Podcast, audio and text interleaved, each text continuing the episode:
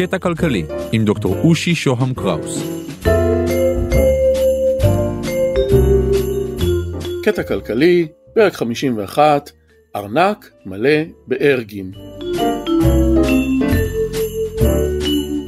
כל כך הרבה פעמים אנחנו שומעים לאחרונה שדברים הם פוליטיים, כאשר פוליטי מוצג כדבר שלילי. אבל האם המערכת המפלגתית הפוליטית באמת מזיקה כל כך? האם החלופות עדיפות? בפרק הזה אנחנו עם קבוצת כלכלנים ששאפה לבטל את הפוליטיקה לטובת שלטון של מומחים. שלום, כאן דוקטור אושי שוהם קראוס. בשני הפרקים האחרונים הצצנו על התפתחות של מושג מימי יוון העתיקה ועד לשנות ה-30 של המאה ה-20. התחלנו עם אפלטון שמאמין שיש אמת אובייקטיבית ויש אנשים שיכולים להתקרב לידיעה שלה. מכאן הוא מסיק שאנשים כאלה, להם הוא קורא פילוסופים, כלומר אוהבי החוכמה, צריכים לשלוט במדינה. ההיגיון שלו אומר משהו כמו לא סביר שהשליטה תהיה בידי קבוצת אנשים שלא מתאימה, לא מספיק חכמה, לא יודעת. המדינה של אפלטון לכן מנוהלת על ידי קבוצת החכמים שחיה לטובת העם ופועלת לטובת העם. היא שולטת בחוכמה. לשלטון כזה אפשר לקרוא בימינו בכל מיני שמות. זהו שלטון לא דמוקרטי ואולי טוטליטרי, אבל מה שמעניין אותנו כאן הוא האספקט המריטוקרטי של השיטה. מריטוקרטיה היא שלטון של מומחים, ואנחנו הזכרנו אותה כאן גם בהקשר של המאבק המתמיד בין נציגי הדמוקרטיה, חברי הכנסת, לבין נציגי המומחים, אנשי האוצר, מאבק שבא לידי ביטוי בחוק ההסדרים. אחת מן הצורות של מריטוקרטיה היא טכנוקרטיה, ואנחנו מגיעים לשנות ה-30 של המאה ה-20 לקבוצת אנשים שהונהגה על ידי האווארד סקוט. האנשים האלה טענו שהמדינה צריכה להישלט על ידי מומחי ייצור, מהנדסים. הקבוצה הזו קראה לעצמה בשם טכנוקרטים ולצורת הממשל שהם מציעים טכנוקרטיה, שפירושה שלטון הטכנה, המלאכה. הם הושפעו מהכלכלן טורסטיין ובלן. הטיעון של ובלן היה פשוט, הוא טען שהתעשייה בימיו הגיעה לשלב שבו היא יכולה לספק את כל הצרכים הבסיסיים החומריים של תושבי ארצות הברית, אבל בפועל היא מייצרת הרבה בזבוז ופועלת רק באופן חלקי. ומדוע היא לא פועלת במלוא הקיטור, שואל ובלן? בגלל שיטת המחירים הוא משיב. האחראים על העסקים בימינו ובימיו הם אנשי העסקים, הם הבעלים הפרטיים של העסק. וזה נכון גם כאשר מדובר על בעלות נעלמת או מופשטת של בעלי מניות בתאגידים. האנשים האלה לא פועלים מתוך אינטרס כללי, כלומר לא מתעניינים בטובת הכלל, אלא ברווח כספי, ורווח כספי מחייב סבוטאז', כלומר האטה בייצור. היצרנים שואפים להרוויח כמה שיותר כסף, וכתוצאה מכך פועלים בשתי אסטרטגיות. האחת היא הגברה של ייצור מוצרים שאינם נדרשים ואינם מועילים באופן בסיסי, למשל פריטי אופנה, מותרות וכאלה. הדבר הזה גורם לבזבוז סתמי של משאבים יקרים. האסטרטגיה השנייה יצירת מחסור מלאכותי של מוצרים בסיסיים, מוצרי מזון, דירות, ביגוד, רכבים. זו המערכת שנוהגת בימינו. אנחנו כל כך רגילים אליה, נולדנו לתוכה, ואנחנו בכלל לא חושבים שאפשר אחרת. ובלן לא טוען שאנשי העסקים יוצרים משטר צנע, בוודאי שלא, אבל הוא טוען שהם לא מייצרים באופן מלא כדי לספק את כל צורכי האוכלוסייה, הם מצמצמים כמויות כדי לשלוט ברמות המחירים שכדאיות להם. באופן הזה הם עוצרים את התעשייה ופוגעים בכלל הציבור.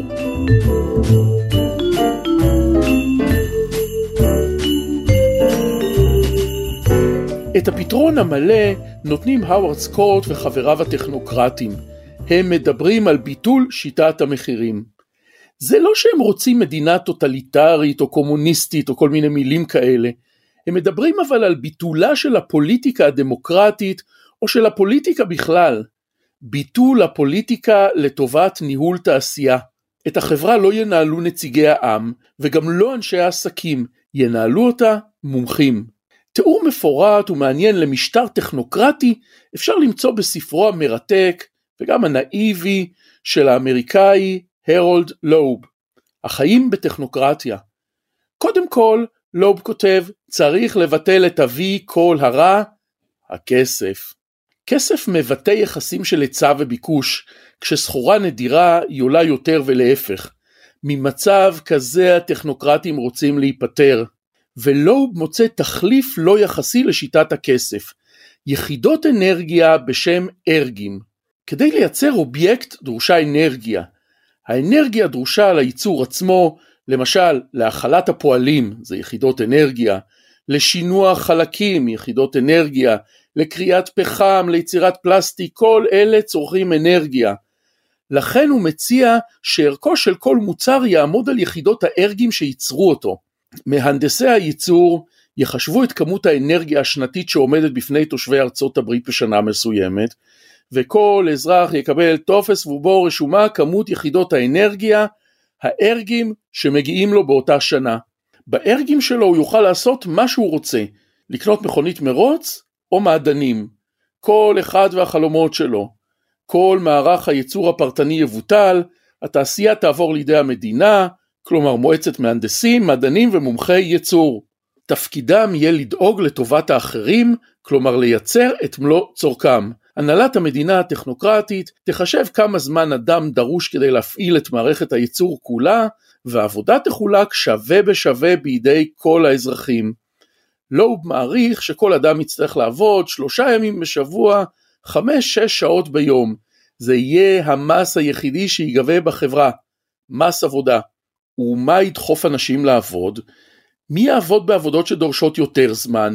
מי יסכים להיות מהנדס שעובד עשר שעות ביום? לואופ טוען, ובמידה רבה של צדק, שמעבר לצורכי הקיום הבסיסי, בני אדם עובדים לא רק בשביל כסף. אנחנו עובדים בשביל כבוד, סיפוק, אתגר, תחרות ומיצוי עצמי. אלה יהיו גם המניעים לעבודה קשה בחברה הטכנוקרטית. רבים לא יסתפקו בעבודה המונוטונית והמצומצמת בבתי החרושת.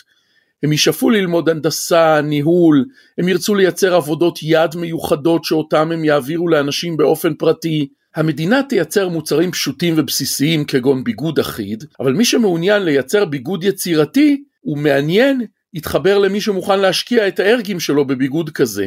אבל החשובים ביותר הם המהנדסים, והמהנדסים הם לא רק מהנדסים תעשייתיים, יש מהנדסי כוח אדם, התנהגות, חינוך, כך החברה תנוהל. יתר האנשים יוכלו להקדיש את זמנם החופשי לאומנות ולשאר אספקטים של פיתוח עצמי. הם יוכלו ללמוד בארגים שלהם בבתי ספר פרטיים לאומנות, לפילוסופיה, להיסטוריה, לפיזיקה, ולמצות את החיים שלהם. עד כאן, על קצה המזלג, נתראה בפרקים הבאים.